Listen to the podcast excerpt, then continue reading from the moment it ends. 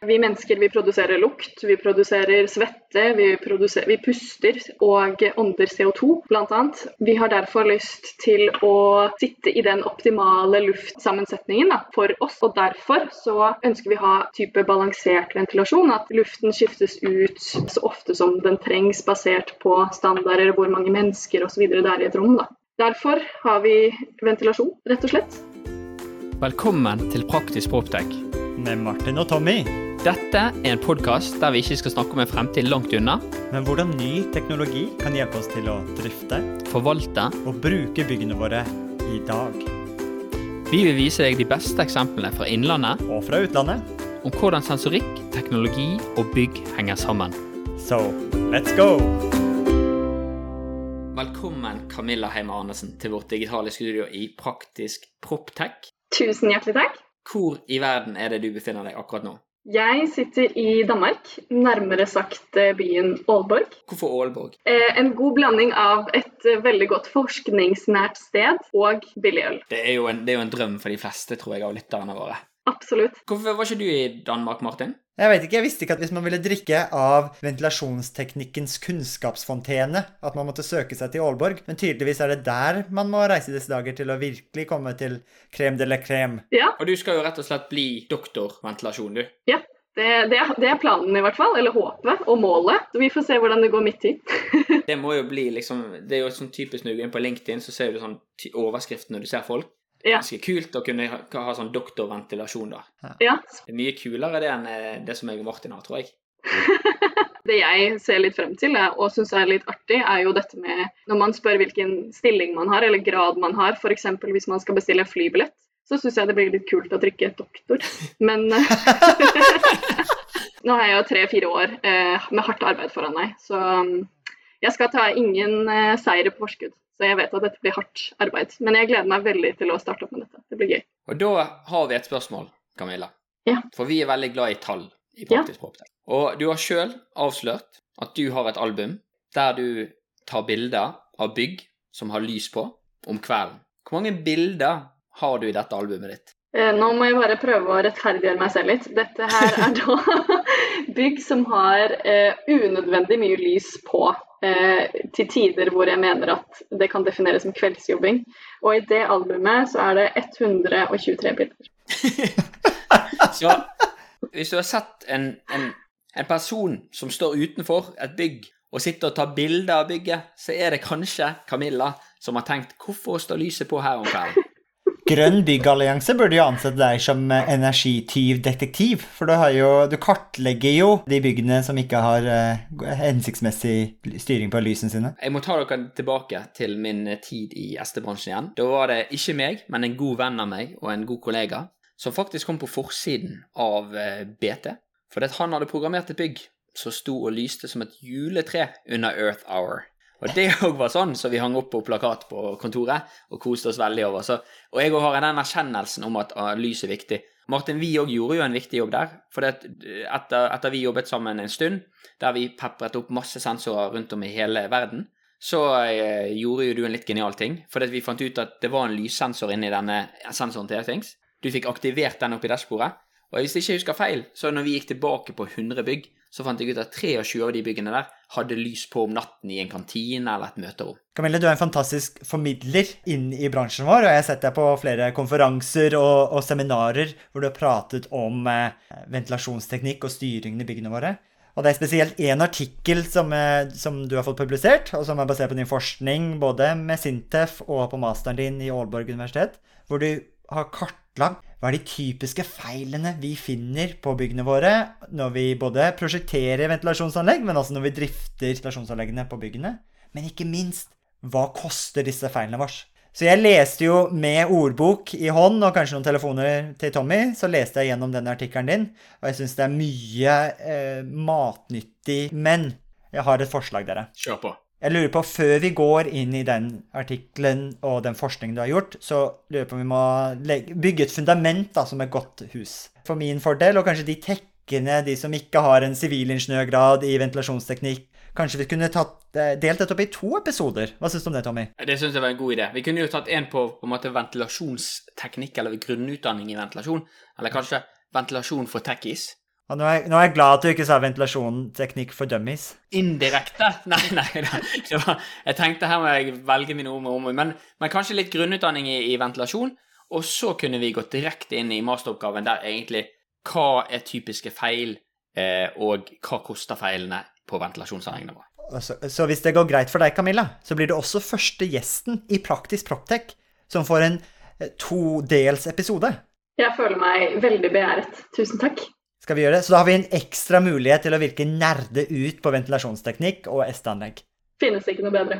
Som du hadde sagt, Martin, let's go. Let's go. Da begynner vi ventilasjon 101. Og da er det mange begrep og termer som har kommet opp, eh, som jeg tror vi må få avklart. Eh, og i tillegg til det så tror jeg også vi må gå inn i SD-anlegget og hva SD-anlegget faktisk er. Ja. Men hvorfor har vi ventilasjon og ventilasjonsanlegg? Primært så ønsker vi å ventilere og eh, ha komfort for brukerne som er i byggene. Vi mennesker vi produserer lukt, vi produserer svette, vi, produserer, vi puster og ånder CO2 bl.a. Vi har derfor lyst til å sitte i den optimale luftsammensetningen da, for oss. Og derfor så ønsker vi å ha type balansert ventilasjon. At luften skiftes ut så ofte som den trengs, basert på standarder, hvor mange mennesker osv. det er i et rom. da. Derfor har vi ventilasjon, rett og slett. Nå har jeg jobbet med luft og ventilasjon og bygg i noen år, men det var ganske mange begreper som har tatt meg litt tid eh, å komme dus med. Jeg kanskje sliter litt fortsatt, vi, og spesielt når vi prater om ventilasjon. For du nevnte jo nettopp balansert ventilasjon.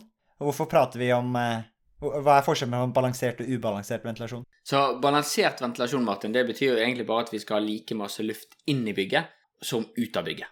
Det er egentlig et så enkelt prinsipp det egentlig er basert på. Og da sa du noe med at du hadde et inntak og uttak i et rom, Camilla? Ja, primært. Vi, altså, vi, kan også snakke om balansert ventilasjon ved å kun ha et avtrekk. Ofte fordi at man har type ventil i, på vinduet eller det som hører med. Da. Sånn at eh, Det er også en mulighet. Men eh, vi snakket primært om da, mekanisk ventilasjon i et bygg, hvor man har et eh, inntak og et eh, avkast, eller et, eh, et exhaust, hvis man kan kalle det. Og nå snakker vi da om hele bygget. Så hvis vi, snakker, hvis vi, ser på at dette bygget kun har ett anlegg, da, så har vi ett inntak og ett avkast for det totale systemet. Og eh, på, Hvis vi tar for oss inntaket først, så etter at luften kommer inn i dette inntaket, så er det forskjellige filter. Gråfilter, finfilter og det som hører med. Og så brer da kanalen etter seg og er designet slik der hvor rommene eh, til de forskjellige personene, eller ganger, eller det som skal ventileres, eller eh, teknisk rom som skal ha kjøling osv. osv. Og det er eh, som oftest da et, eh, hvis vi snakker om et skolebygg som har balansert ventilasjon, et eh, inntak og et eh, avkast. Um, og eh, her sitter det da mennesker, og så er jo luften som kommer inn, er jo basert på hvor mange mennesker rom er designet for, basert på standarder og emisjoner fra materialer osv. Eh, og så eh, går jo denne luften ut av eh, rommet igjen og blir tatt med gjennom eh, til ventilasjonsanlegget, eh, til eh, varmegjenvinner og filter og avkaste det som hører med. Da. Og ikke minst så må vi jo ikke glemme varmegjenvinneren, Martin. Den vet jo jeg du er veldig glad i. Ja, jeg, jeg, tenkte det var viktig å poengtere dette, da. Men uh, det er jo det som er så flott nå med dagens teknologi og, og disse tekniske systemene vi har i bygg, er rett og slett dette, da. Som lar oss gjenvinne denne luften og ja, det som hører med. Er det frekt å si at ventilasjon det er ikke så komplisert? Det er to vifter. En som suger inn luft til bygget, og en som tar luften ut igjen av bygget? Jeg har lyst til å si at ikke det er komplisert. Ehm, for mannen i gata så kan det være mange ting å høre med og følge med på.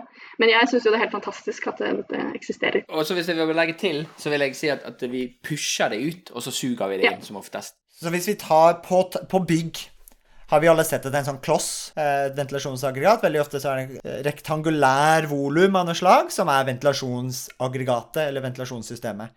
Men hva er de viktigste bitene, for det er nesten sånn puslespillbiter man setter sammen, hva er de viktigste bitene inni den klossen på taket, og hva gjør de? For det er vel litt mer enn to vifter, som Tommy sa. En som hva sa du? Pusher luften inn i bygget og suger det ut igjen. Så det er to store vifter, og så er det eh, Filter. Eh, vi har også et varmebatteri. Av og til så har man kjøling. Kan arrestere meg, men eh, det har, bruker vi ikke så veldig ofte i Norge. Så i tillegg til det så har vi forskjellige typer sensorer inni her for å regulere, og sånne type ventiler for å regulere og passe på at komponentene fungerer som de skal fungere. Bare For å supplementere så har vi på en måte spjell, Martin, på, på inntak og på, på, avtrekk. Sånn at eh, når dette står av, så er det så lukket som mulig. Eh, og så er jo det Det som vi ser i Norge, er jo det at f.eks. skolebygg Det er jo svært sjelden at de har kjøling. Det er jo mer eh, der du har nye, gode kontorbygg. Så derfor blir det veldig varmt eh, på disse varme somrene vi har hatt nå de siste par årene. Så blir det veldig varmt i bygget i Oslo i hvert fall. 2018 var et fint år. Men tanken var jo gjerne at du skulle ha sommerferie på, høst, på de varmeste dagene. Men så, så da har vi dette ventilasjonsaggregatet som pusher luften inn i bygget. Men innad i rommet så har vi noen prinsipper på hvordan luften skal fordeles i rommet. Og da brukte du et begrep her tidligere, Tommy. Jeg, jeg, I mitt ord, eller det som jeg i hvert fall opprettet til, er jo omrøringseffekten. Så, og dette tenker jeg det kan være greit at vi bare nerder litt inn på, Camilla. For dette er sikkert et bra oppfølging når vi skal ta oppfølgingsspørsmål til deg. Og det er jo det at når luften kommer inn, så er jo han ofte undertemperert. Eh, sånn at han får den perfekte omrøringseffekten i rommet. At den kalde luften detter ned og pusher opp vekk den varme, dårlige luften. Og så kommer det selvfølgelig helt an på hva type spjell vent eller ventiler du har. Du har noen som bare det siver ut, der må du ha veldig stor omrøringseffekt, og du har noen som pusher luften. Og så har jo du òg noen aggregatleverandører, eller noen byggeautomasjonsleverandører som har kommet med ventiler ventiler som skal støtte der du har overtemperert luft, sånn som eh, dette Linivent-systemet. Men hovedprinsippet, og det som jeg i hvert fall ble opplevd med, var jo at, at eh, luften skal serveres kald og underkjølt som en god vin, sånn at den får den perfekte omrøringseffekten og skyver vekk den varme luften. Er det derfor det er kaldt å sitte under disse ventilasjonsventilene i møterom og på kontorer? Det skal jo ikke være for kaldt, da. Og det, og kulden der, det er jo, er jo, litt sånn interessant. Dette kan du sikkert mye bedre enn meg, Camilla, men det har jo med hastighet og temperatur for at du får den trekkfølelsen, ikke det? Ja, det er det som regel, ja. Det er en temperatur som vi mennesker ikke vi kjenner er eh, fin eller optimal for oss, da, rett og slett. Camilla, kan du ikke forklare hva et spjell er? For meg så definerer jeg spjell som dette som kan eh, få luften til å komme inn i rommet gjennom dette, eh, denne kanalen. Og det kan stå i forskjellige stillinger, eh, åpent, lukket eh, og det som hører med. Og måten det er da styrt på, er jo elektronikk, som eh, sikkert Tommy kjenner enda bedre til enn det jeg gjør. Og da har vi tre typer Jeg ser for meg at det er en sånn pyramide av eh, er det forskjellige typer spjell, eller hvordan man styrer de spjellene? Men det er vel tre begreper som jeg har hørt om. Det er VAV, CAV og DCV. Men kanskje CAV er på bunnen av denne pyramiden? Jeg støtter deg der. Mm. Og CAV-en? Hva skal jeg si, Den enkleste formen for uh, ventilasjon er jo dette som heter CAV, som er Constant Air Volume, som står for CAV. Og det er egentlig så enkelt at det, den kjører på et konstant luftvolum hele dagen hva den er innstilt på, da. Hva selve spillet er innstilt på. Så hvis CAV er det enkleste, for det er konstant enkleste spillet vi har, så på en måte et steg opp da i spjellhierarkiet har vi da det, Kan det stemme at vi har VAV? Ja, helt enig. Eh, og dette kommer da fra Variable Air Volume, VAV. Denne type ventilasjon kan da bli kontrollert på forskjellige måter igjen. Her også må, med forskjellige typer trinn på selve spjellet Sånn at den varierer ofte gjennom dagen. da. Ofte også da basert på trinn, f.eks. Eller et, en, en, sånn type schedule. Eh, sånn at man vet når brukerne er i rommet f.eks. Fra 8 til 11 så går den på fullt, og så går den ned på null i lunsjen. Og så går den på fullt da fra klokken 1 til klokken 3 til dagen er ferdig, og så går den ned igjen. Det ville jeg, i hvert fall jeg definert da som et VAV. Det, det, det hovedprinsippet som jeg syns er veldig bra med VAV, det er jo det at, at du har muligheten til å gå på minimum når ingen er der.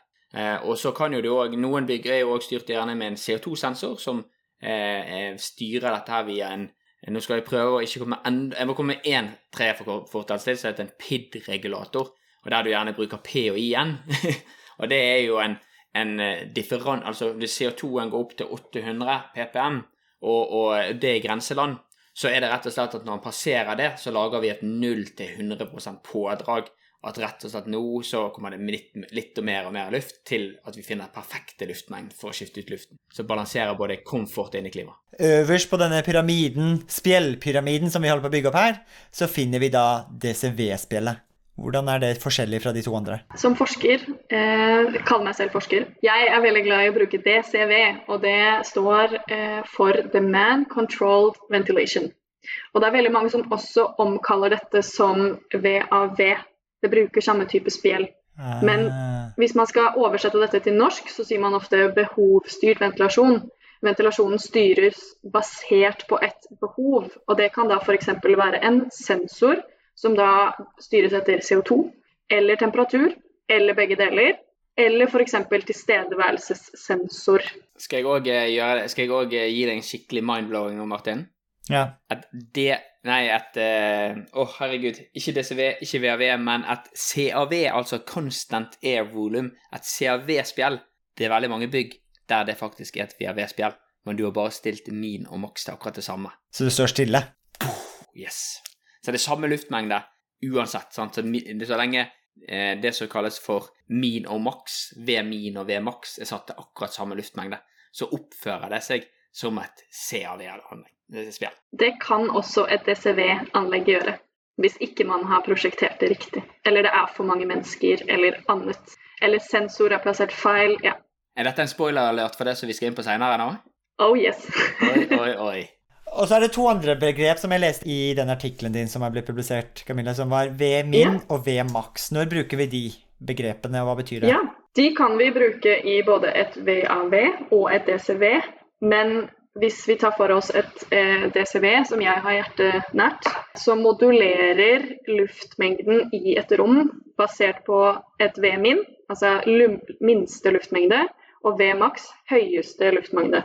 Og disse to er prosjektert etter hvor mange brukere som oppholder seg i dette rommet. Basert igjen på standarder og veiledninger for å oppfylle krav til eh, luftkvalitet i et rom. Så V-min, minste volum av luft, eller mengde Ja. luft som kan komme inn, og så V-max, maks volum som trengs.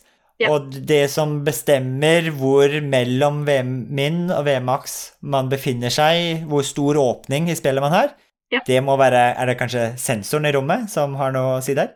Bingo! Da var du god, Martin. Jeg har lært litt. ja, det er bra.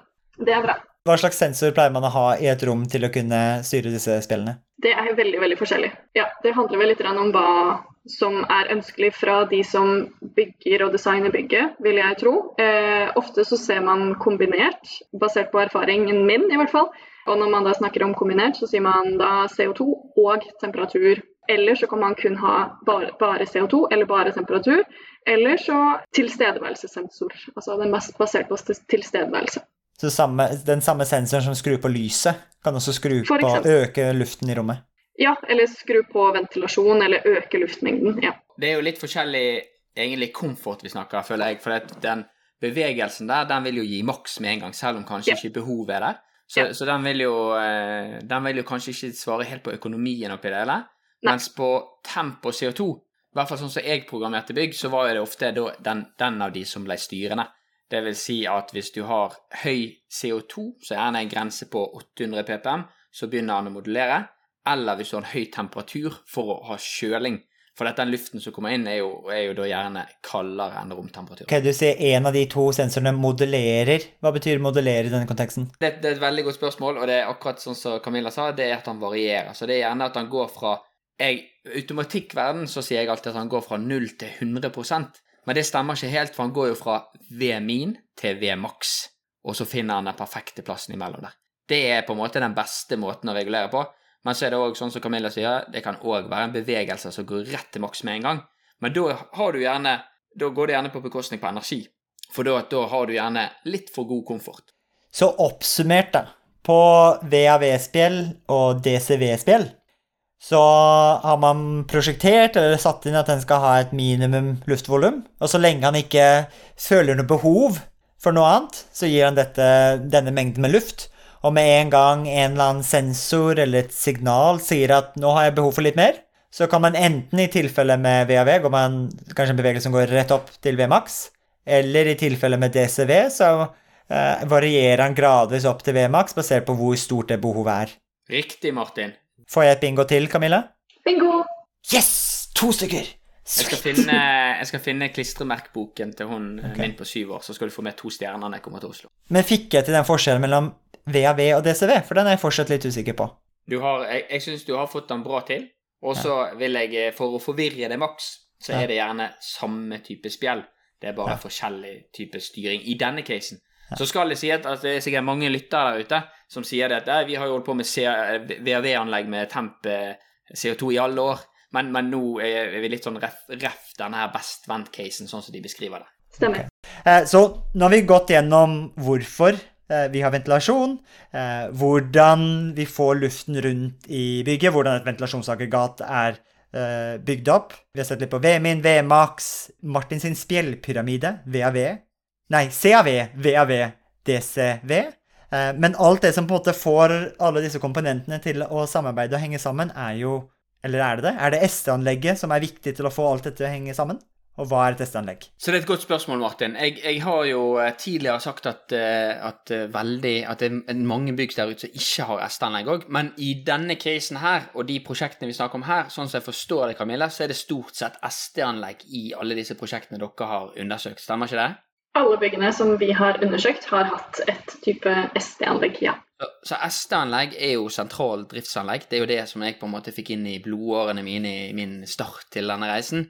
Eh, og det det egentlig betyr, det er jo der man har putta inn styringen til ventilasjon, til dette VAV-spillet, til rommet, altså oppvarmingen i det rommet, gjerne tekniske alarmer, kanskje varmeanlegg og kjøleanlegg òg. Det er her alt styres.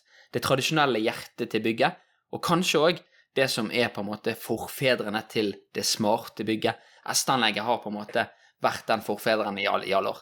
Så det er egentlig kort fortalt et S-anlegg, sentralt driftsanlegg, og det er overraskende nok, Martin, her vil nok du bli sjokkert, men det er ofte en lokal PC, gjerne nede i driftskontoret, under PC-benken hans, tilkoblet en skjerm, og det er gjerne da SD-PC-en, som det heter så fint. Men er det hjertet eller hjernen til bygget?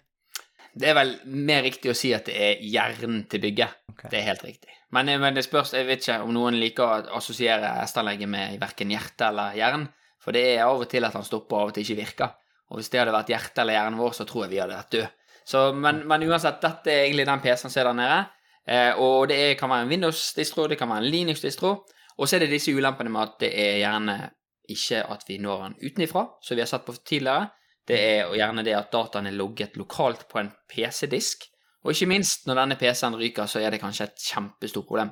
Så skal det sies at det er startet å komme noen SD-anlegg som går til skyen, men det er veldig mange av de som fortsatt er avhengig av den fysiske PC-en på bygget. Så den PC-en i de fleste tilfellene, så er det en PC under pulten til vaktmesteren, eh, kanskje i kjelleren, som er ansvarlig til å skru lyset av og på på riktig tid. Um, sørge for at ventilasjonen Det er det her man programmerer inn hvilken kalender, hva er vanlig brukstid på bygget, så ventilasjonen skrur seg på etter riktig tid og skrur seg av til riktig tid. Uh, hvilke andre system, tekniske anlegg er det som blir styrt på et sånt SD-anlegg og blir satt opp? Så, så det, og det, og det stemmer veldig ofte, og det, det kan òg være noen bruker også industrielle PC eller industrielle bokser. Og videre derifra så går du gjerne til undersentralen, og undersentralen der ligger gjerne logikken. Det vil si at det er der selve regulatoren ligger. Du har en temperatur inn, som er ved en inngang. Du har en utgang som styrer en ovn. Kanskje en utgang som styrer et VAV, eller så kan det òg være busskommunikasjon som går til både VAV-spillet eller til eh, temperatur eller til utgangen. Det kommer litt an på, men i all hovedsak så er det på en måte gjerne der det ligger. Og så er det fortsatt en diskusjon i bransjen om kalenderen skal ligge på undersentralen eller på STPC-en.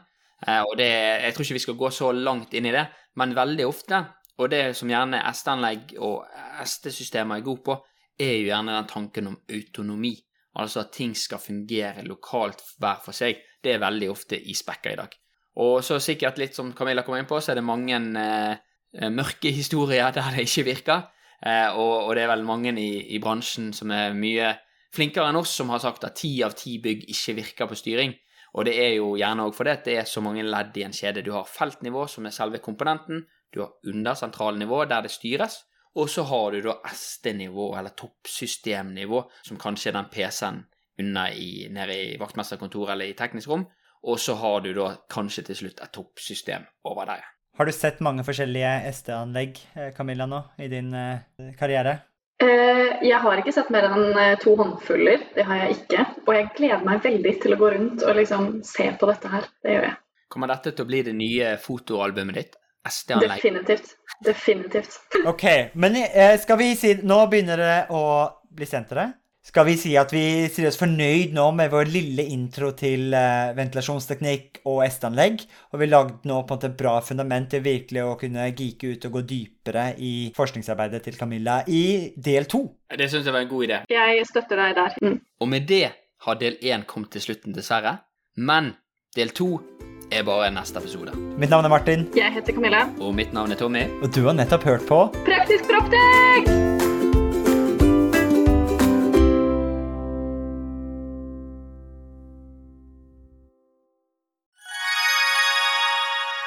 Da dere er 2024 i gang, og et av høydepunktene på starten av året er jo sett sammen et årshjul, og det har vi også gjort, Tommy. Ja, Akkurat nå sitter jeg og ringer rundt 25. og 26. april, for da skal vi på FTV-kongressen. Og det blir litt ekstra spesielt i år, Martin. Det var jo veldig spesielt i fjor òg, for jeg husker det vakre øyeblikket når eh, du og Magnus fra FTV-kongressen eh, preiket sammen og egentlig unnfanget og satt sammen en god idé. Og det var jo invitasjonen til eh, Proptech-dugnaden, som også blir et høydepunkt i år, ikke sant, Magnus, på FTV-kongressen 2024. Jo, det stemmer det. Vi setter godt med plass eh, i år til, eh, til dugnaden. En eh, god og sprø idé for å sette praktisk proptech ut faktisk i livet og vise hva vi får til, ikke bare fortelle. Det var, jo, det var jo veldig gøy, for jeg husker da jeg skulle pitche dette til deg, så tror jeg du avbrøt meg og bare sa 'vi er med'. Og når vi var på dugnaden, så sa du òg at Tommy, dette her må vi ta med oss tilbake på FTV-kongressen. Vi må jo praktisk få dette vekk fra Powerpoint og vise praktisk hvordan vi har gjort det. Og det syns jeg blir litt spesielt i år, at det blir jo for meg en liten reunion av det som skjedde der ute. Men, men eh, FTV-kongressen er vel mye mer enn en, bare en reunion òg.